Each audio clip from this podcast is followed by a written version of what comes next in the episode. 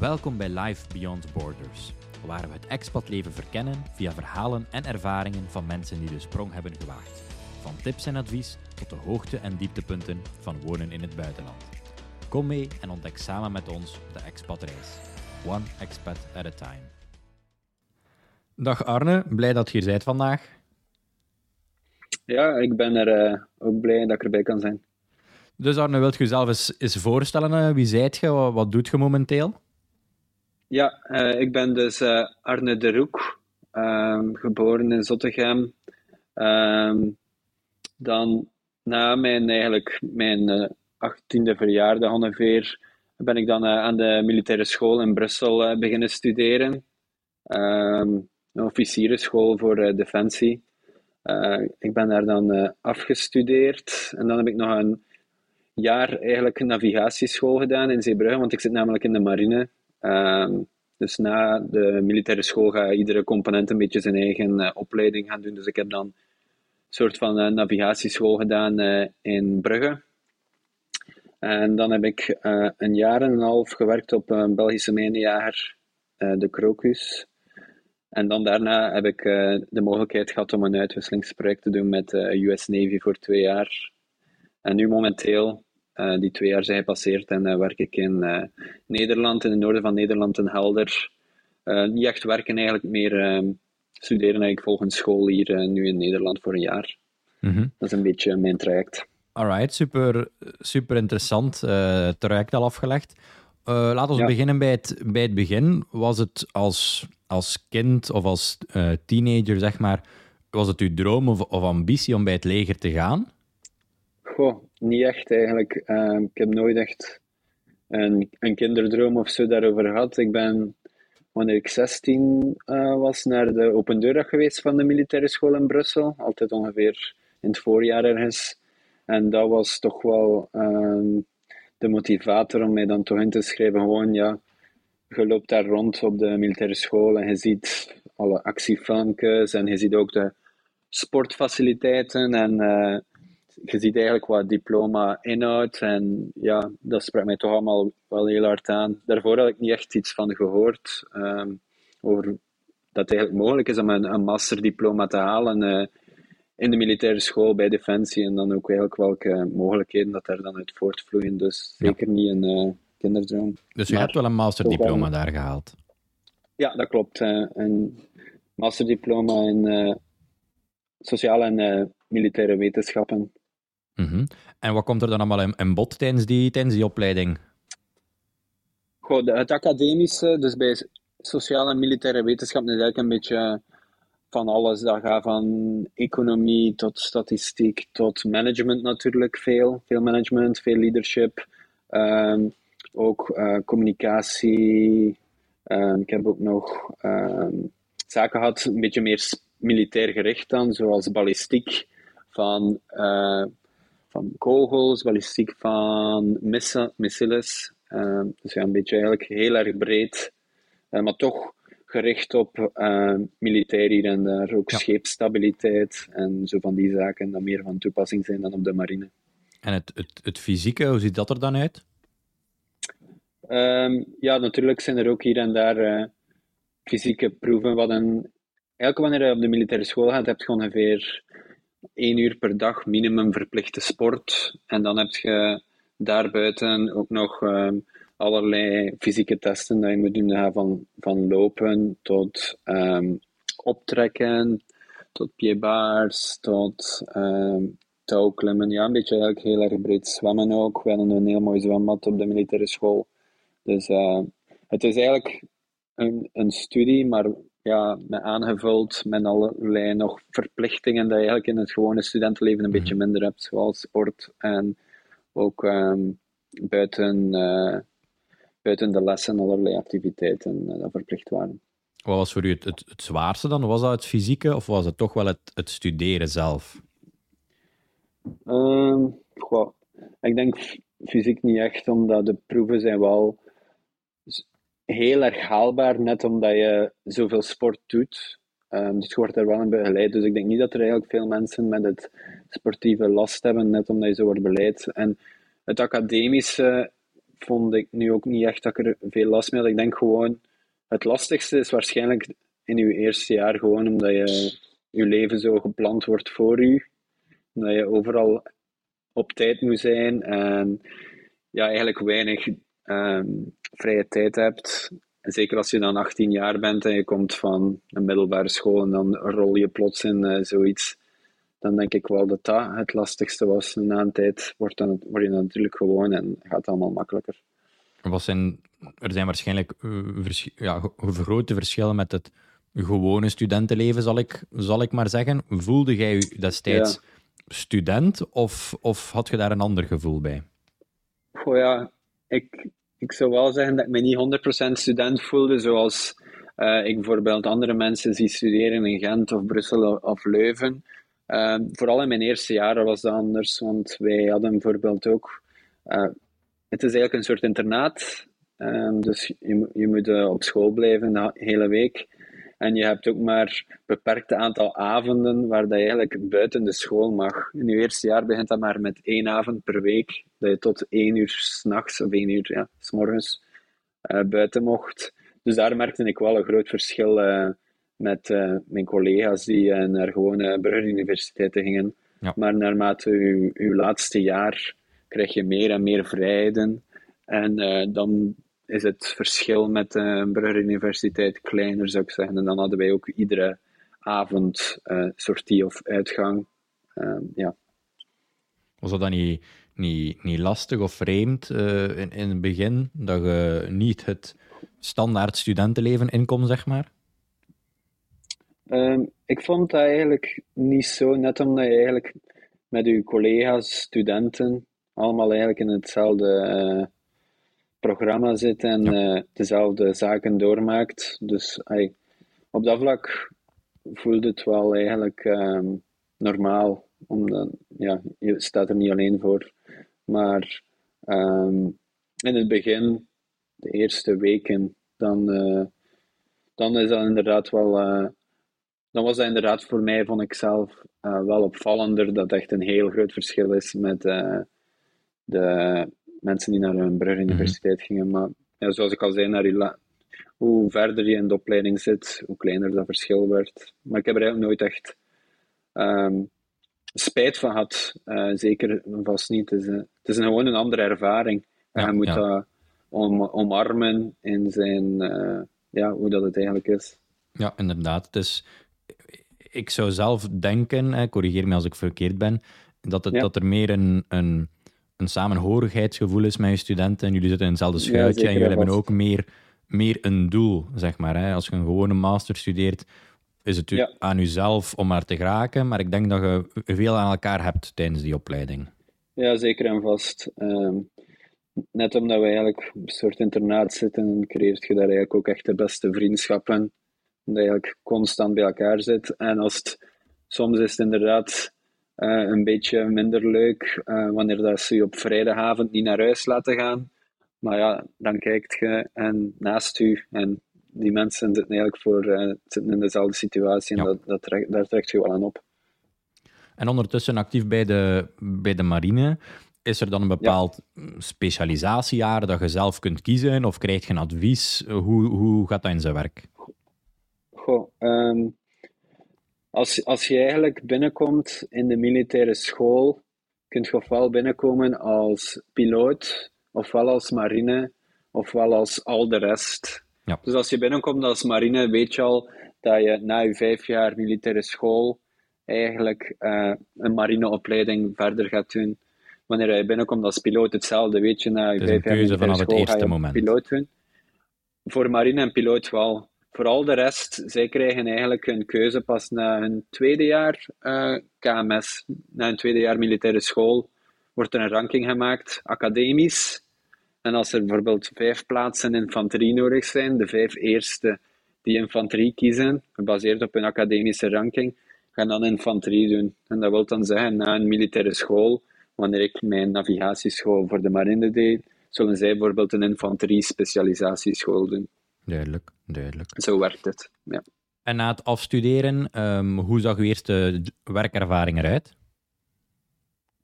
Um, ja, na het, na het afstuderen van de navigatieschool ben je eigenlijk zodanig klaargestoomd voor je job te doen, dat je eigenlijk direct toekomt op je eerste schip. Dus uh, wanneer je afstudeert van navigatieschool, ga je waarschijnlijk al een gesprek hebben gehad van oké, wat zijn uw interesses?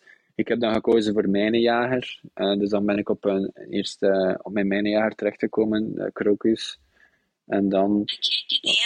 Oei, dat is mijn horloge. Ja, doe maar. Ga je opnieuw moeten starten. Ja. wat was de vraag meer? Uh, uw eerste jobervaring, hoe dat die er, eruit ah, zag. Ja, dus na de navigatieschool ben ik dan rechtstreeks naar mijn eerste schip gegaan. Je eerste schip ga je eigenlijk op voorhand al aangeven wat je interesse is. Voor mij was het dan mijn jaar, dus ik ben dan op een jaar terechtgekomen.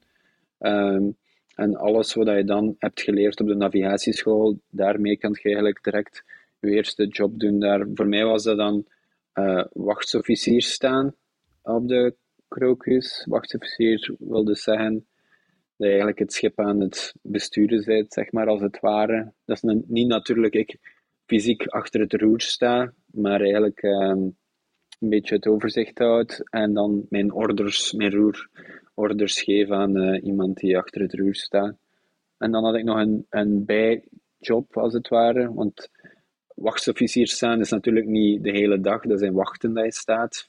Vier uur wacht, acht uur geen wacht en dan in die acht uur af was ik dan um, logistiek officier aan boord van de Crocus. Dus ik zorgde ervoor wanneer we in de haven, wanneer we in de haven toekwamen, dat er eten was, dat er water was, dat er uh, fuel was uh, en al die zaken. En hoe lang, hoe lang zit je dan op het schip effectief, eer dat je dan weer aan land zij, zal ik maar zeggen? God hangt er heel, van, heel veel van af. Soms doe je een periode van een maand. Um, ik heb met de Crocus dan eigenlijk uh, op, uh, op missie geweest uh, naar de Baltische Zee. En dan ben ik drie maanden weg geweest. Maar van die drie maanden eigenlijk heb heb je iedere week, ieder weekend, of toch tenminste ieder ander weekend, dat je een havenbezoek doet. Dus om die drie maanden heb ik bijvoorbeeld acht havens bezocht of zo. Dus dat valt heel goed mee. Ieder weekend heb je iets om naar uit te kijken en bezoek je een ander land. Uh, nadeel was wel dat COVID was, wanneer dat wij eh, onze missie hebben gedaan. Dus heel veel havens lieten ons eigenlijk niet toe om zomaar de stad in te gaan of eigenlijk zelfs van het schip te komen. Dus dat was een beetje jammer. Uh, maar dan hebben we een beetje daar zelf uh, inventief uh, of creatief moeten mee zijn en hebben we zelf een beetje activiteiten aan boord georganiseerd om het toch leuk te maken. Maar anders zou je uw weekenden zeg maar, op verschillende locaties een bepaalde stad hebben kunnen verkennen. Ja, wanneer je op missie bent, met, wanneer het schip weg is, ja. Want het schip is natuurlijk niet altijd weg. Soms kan je twee maanden of drie maanden aan een stuk in Zeebrugge liggen met je schip en dan werkt je eigenlijk een, een, een 9-to-5 als het ware, als een gewone werknemer. Ja. Dan ga je gewoon naar Zeebrugge, doe administratie en komt s'avonds terug thuis. Ja, duidelijk. En vind je dan, vind je het dan leuk om uh, blootgesteld te worden aan die nieuwe landen, aan die nieuwe culturen, als je daar de mogelijkheid tot hebt? Ja, dat is toch wel uh, een van de grote voordelen van de marine, vind ik. Dat je zo vaak, uh, net zo vaak weg bent en uh, ja, nieuwe dingen kunt ontdekken waar de andere mensen normaal voor moeten betalen. Ehm, dus dat is zeker wel tof. Natuurlijk is het niet altijd tof als je iemand thuis hebt en je gaat voor lange tijd weg, maar allee, het heeft zijn voor- en zijn nadelen. Ja. ja, vast en zeker. En je had gezegd en uitwisselingen gedaan uh, naar de, met de US Navy. Hoe ging dat in zijn ja. werk? Um, ja, net als ik op missie was, kreeg ik een e-mail um, of dat er uh, mensen geïnteresseerd waren om twee jaar naar de States te gaan in een uitwisselingsproject. Ik wist dat ze dat project deden, dus ik heb me daar dan voor ingeschreven en dan uiteindelijk ben ik dan uh, geselecteerd om in januari 21 uh, eh, naar daar te gaan voor twee jaar. Uh, ben dan, het, het doel is eigenlijk echt een uitwisseling te hebben met de US Navy, vooral om bijvoorbeeld te kunnen kijken hoe hun marine werkt en ook om ja, eigenlijk voor een beetje bonding tussen de verschillende staten te hebben. Eh, tussen België en de Verenigde Staten dan. Dus eh, dat was echt een eh, heel leuke ervaring. Ik ben heel blij dat ik dat heb kunnen doen. Ehm, zeker omdat er maar één iemand om de twee jaar mag gaan. Dus ja, daar was ik heel blij om. En waart je dan ergens gestationeerd of waart je dan ook op missie met de US Navy? ja, um, wij worden vaak, eigenlijk altijd, zoals de Belgische marineofficier dat zo zegt, geselecteerd wordt naar San Diego sturen. Dus aan de West Coast in uh, Californië. Wat echt een uh, toplocatie is eigenlijk om, om gestationeerd te zijn. Echt heel jaar door goed weer, zon, zee, palmbomen. Ja, dat was echt heel tof. Ik heb daar dan natuurlijk ook zoveel mogelijk proberen rondreizen en van genieten. Ehm, maar natuurlijk, met dat het een uitwisseling is, moest ik ook meedoen met het, het programma van het schip. En natuurlijk uh, is de bedoeling dat we daar zoveel mogelijk leren. Dus wij worden altijd op een schip geplaatst dat eigenlijk net op deployment gaat gaan. Dus dan ben ik met ons schip, dat USS Mobile Bay is, naar, op deployment geweest, naar de, voornamelijk naar de South China Sea, dus de Zuid-Chinese Zee, om daar eigenlijk deel uit te maken van Carrier Strike Group 3 wat eigenlijk ja, een, carrier is dat op weg gaat met zijn beschermeenheden rond. En dan spreken we over destroyers en cruisers. Dus dat was een beetje mijn acht maanden daar dat ik op zee ben geweest. Van januari 22 tot ja, augustus 22. Dus dat was een lange periode, maar ja, wel een ervaring dat ik niet snel ga vergeten. Ja, het moet zeker een, een ervaring geweest zijn.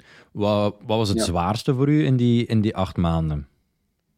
Het zwaarste, denk ik, dat je echt heel lang op zee bent, volledig afgesloten van de buitenwereld. We zijn twee keer. Zes, in België zei ik dat we iedere weekend aan land gingen, bijna, of iedere twee weken. Daar heb ik twee keer gehad dat ik 60 dagen en een stuk op zee zat zonder uh, land uh, te zien. Dus dan ben je echt geïsoleerd. Um, je kan niet bellen naar huis. Um, ik communiceerde dan met mijn uh, vriendin via e-mail iedere dag. Uh, maar ja, heel geïsoleerd en iedere dag hetzelfde. Uh, ja, dat was waarschijnlijk wel het zwaarste. Dus dan als we een havenbezoek uiteindelijk deden, na 60 dagen, eh, dan was dat inderdaad heel erg welkom. Ja, dat kan ik, dat kan ik geloven. Alright, en na die, na die uitwisseling, belandt dan u in Nederland of was er daar nog een stap tussen? Ja, nee, ik ben rechtstreeks ehm, vandaar dan uh, hebben ze mij hier in België zeiden ze, ah, misschien is het nu een goede moment om een bepaalde schoollieden in een Elder te starten. Uh, dus dan ben ik rechtstreeks vandaar uh, naar hier gekomen met de marine. Dus dat is een school van een jaar dat ik nu volg. Um, ik weet niet of, dat jullie, of dat je dat weet, maar België en Nederland werken heel nauw samen op vlak van de marine. Dus um, wij wij geven hen school in Oostende bijvoorbeeld en, wij, en zij organiseren sommige scholen dan hier in Den Helder voor ons. Dus vandaar dat ik nu hier een, een jaartje zit. Wat is het doel van die opleiding? De opleiding noemt Commando Centraal Officier. Um, dus wat dat precies inhoudt, zoals ik al zei op de Krokus bijvoorbeeld, was ik wachtsofficier. Daar ga je met het schip varen commando centraal officier zit eigenlijk niet op de brug, uh, maar zit eigenlijk beneden in het schip en gaat eigenlijk een beetje uh, het gevecht vechten. Uh, ja, het, het gevecht aangaan voor het schip. Dus dat wil zeggen, um, beslissen welke sensoren we gaan inzetten, welke wapens we gaan inzetten, welke tactieken dat we gaan uitvoeren om uh, bijvoorbeeld uh, een vijand te gaan uitschakelen of te gaan uh, omleiden. Dus echt meer een beetje het warfare gedeelte van ehm, de marine, terwijl ik vroeger meer het varend gedeelte van de marine deed. Is het ook uw, doel om meer naar dat ja, vechtend gedeelte te gaan, zeg maar? Of wat is uw, wat is uw toekomstdoel om te bereiken? Het is, een, het is een logische stap in uh, een carrière van uh, marineofficier, zou ik zeggen. Uh, je start altijd met het varend gedeelte en dan ga je meer naar het operationele gedeelte. Dus zeker een logische stap.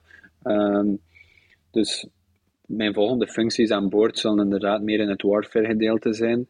Dat wil niet zeggen dat ik het varende gedeelte zomaar mag vergeten, want ehm, er is altijd een kans dat ik eh, commandant van een schip word En dan moet je natuurlijk nog altijd, eigenlijk moet je al je tools nog steeds in handen hebben om dan het schip veilig op zee te sturen. Zowel op een navigatiegedeelte als op ja, operationeel zou ik zeggen. Ja. Wat zijn volgens u de, de top drie skills uh, die iemand nodig heeft om een succesvolle carrière in de marine te hebben? Uh, top drie skills, goede vraag. Uh, ik denk sowieso inzet, heel erg belangrijk. Um, omdat, net omdat er veel uitdagingen zijn, moet je er altijd 100% tegenaan smijten. Um, verder um, openstellen voor leren. Um, er is altijd zoveel, er zijn zoveel verschillende systemen. Ik denk dat je altijd, uh, altijd je moet openstellen om uh, meer te leren. Um, en dan een derde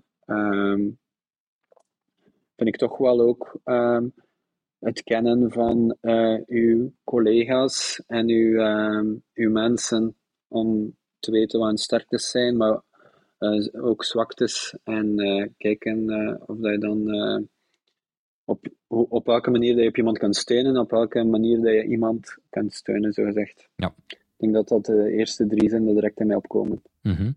En je hebt nu een vrij internationaal pad al achter de rug. Hè? Gestart in Zeebrugge, dan naar San Diego, nu in Nederland. Is een carrière ja. bij de marine altijd internationaal uh, gericht? Ga, doet iedereen dat? Of zijn er mensen die ook in België in Zeebrugge blijven? Hoe ziet dat eruit, de verschillen?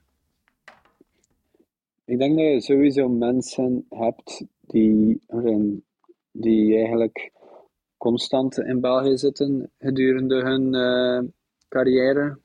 Natuurlijk, Nederland is ergens waar je heel gemakkelijk kunt terechtkomen, net vanwege die samenwerking. Maar ik denk dat er sowieso wel een mogelijkheid is als je toevallig net altijd op de posten terechtkomt die in België zijn. Dus het hoeft niet per se um, internationaal, internationale plaatsingen te zijn. Um, maar mij spreekt dat wel zeer hard aan. Dus uh, ik ben er ook wel naar op zoek. Um, en dan natuurlijk wanneer je op een schip zit, dat is natuurlijk een plaatsing in Zeebrugge. Maar natuurlijk, ja, zoals ik al zei, kan je wel uh, heel de wereld rondvaren.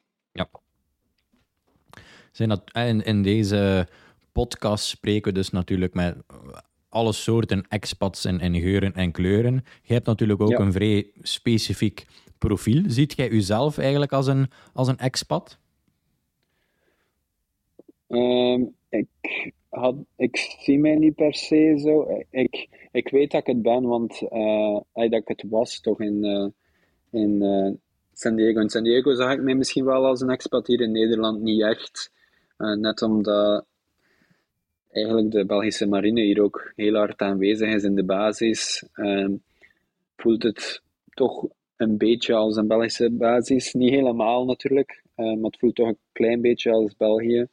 in San Diego, ja, daar voel ik me wel een beetje expat, maar niet dat ik er echt, echt uitgesproken mee zo voelde, zal ik maar zeggen. Niet echt mhm. dat ik er veel over nadacht. Mm Welk advies zou je hebben voor iemand die graag in het, in het, in het leger of uh, specifiek dan in de marine zou willen uh, gaan werken later? Um, ik denk als, als je avontuurlijk bent en um, ook wel um, geïnteresseerd in, in veel zaken en echt ergens uh, een passie uh, voor kunt krijgen. Dat de marine toch wel uh, een heel leuke uh, job kan zijn. Met de passie bedoel ik ehm, dat het zo veelzijdig, veelzijdige job is. En als je wilt, hoef je niet steeds hetzelfde te doen. Ehm, zeker als officier, dan zou ik zeggen, onze, bij ons is het een beetje gewoonte dat iedere drie jaar, dat je drie jaar op een posting of op een job het maximum is.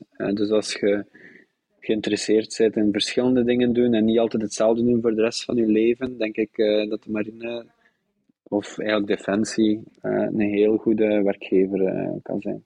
Ja, nee, duidelijk. En dan misschien iets meer inzoomend op uw, op uw vrije tijd. Als, als je dan op missie ehm, hoe spendeert je dan je vrije tijd? Ehm, heb je die? Heb je zelf vrije tijd? Of, of hoe ga je daar dan mee om? Ja, je hebt sowieso al vrije tijd. Hangt een beetje natuurlijk vanaf wat dat op die moment je job is en, en wat je aan het doen bent. Ehm, en ook op welk schip dat je zit. In de States zat ik op een groot schip die had een, een kleine fitness aan boord en uh, een paar loopbanden, fietsen. Ehm, de buitendekken waren daar eigenlijk zo groot dat je eigenlijk ook buiten kon lopen, op de dekken dan. Dus dan probeerde ik toch uh, een beetje te sporten daar. En dan, ja, wanneer dat ik kan, probeer ik af en toe een keer uh, een film of zo te kijken. Uh, dat ging makkelijker in de States, omdat ik minder, het minder druk had gedurende die acht maanden. Wanneer ik weg was hier in België, had ik eigenlijk niet zoveel vrije tijd. En bovendien, uh, op een mijnenjaar is er niet echt een fitness. Ja, die schepen zijn echt klein.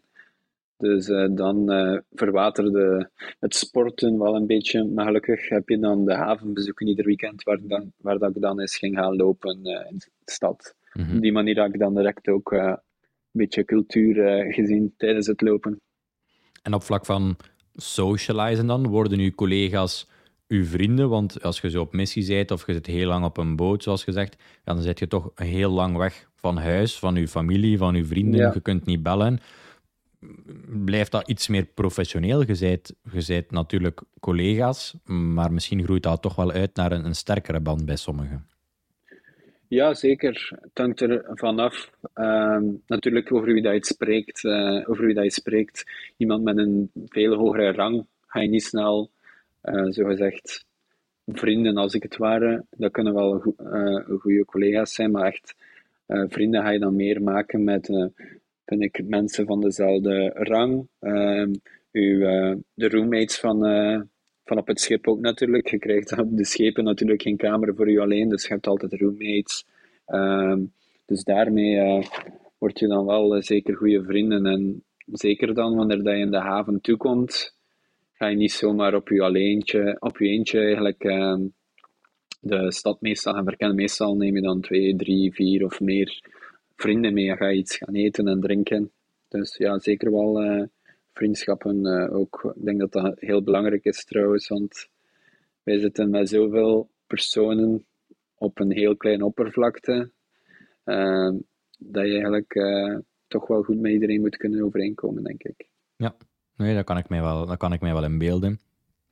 En over uw, uh, over uw jaren, door uw jaren heen nu, wat is voor u het, het meest indrukwekkende dat je al hebt meegemaakt? Uh, dat kan een, een, een, een, gevaarlijke situa gevaarlijke situatie zijn. Dat kan iets zijn dat je dacht van wow, dit heb ik nog nooit gezien. Positief, negatief. Het indrukwekkendste moment dat je kunt herinneren. Ik denk uh, met uh, US Navy, dat was sowieso heel indrukwekkend. Gewoon de, de grootsheid van die marine. We zijn weg geweest met aircraft carriers. Hoe groot dat is, de oefeningen dat je daarmee draait. Uh, en dan ook nog eens um, het feit dat we interacties hebben met de Chinese marine. Interacties bedoel ik dan gewoon dat je de Chinese marine ook dichtbij ziet. En je merkt zeker wel dat, dat de US Navy en de Chinese marine, als het ware, toch wel elkaar uh, altijd uh, in de gaten houden, uh, zal ik maar zeggen. Dus dat was interessant om te zien. Wij als België natuurlijk, daar zijn andere landen zoals China en, en Rusland natuurlijk minder, minder interessant voor en, en zijn er natuurlijk ook minder interacties. Maar ik vond wel interessant te zien dat eigenlijk ja. um, de US Navy naar, daar naartoe gaat voor eigenlijk in de voortuin van uh, China en die, ja, gewoon die spanning die zeg maar van dichtbij te beleven. Toch wel een beetje spanning, ja. Dus, het is geen, uh, ja, het is geen conflict, maar je, je merkt wel spanning. Gewoon een beetje zo van, ja, wat kom je hier doen? Uh, dus nu ga ik u volgen voor een paar dagen. Ja. Super, super interessant. Alright, uh, Arno, ondertussen zijn we bij het einde van deze aflevering ja. gekomen. En in de meeste afleveringen vraag ik altijd aan iemand: uh, was het grootste voordeel om expat te worden? Bij u is het nu een heel specifieke ja. ja, uh, niche, zal ik zeggen. Maar als je inzoomt op je ervaringen in het, in het buitenland, de, de dingen die je hebt kunnen meemaken, dat anderen niet kunnen meemaken, wat is het grootste voordeel aan het internationale aspect van uw job?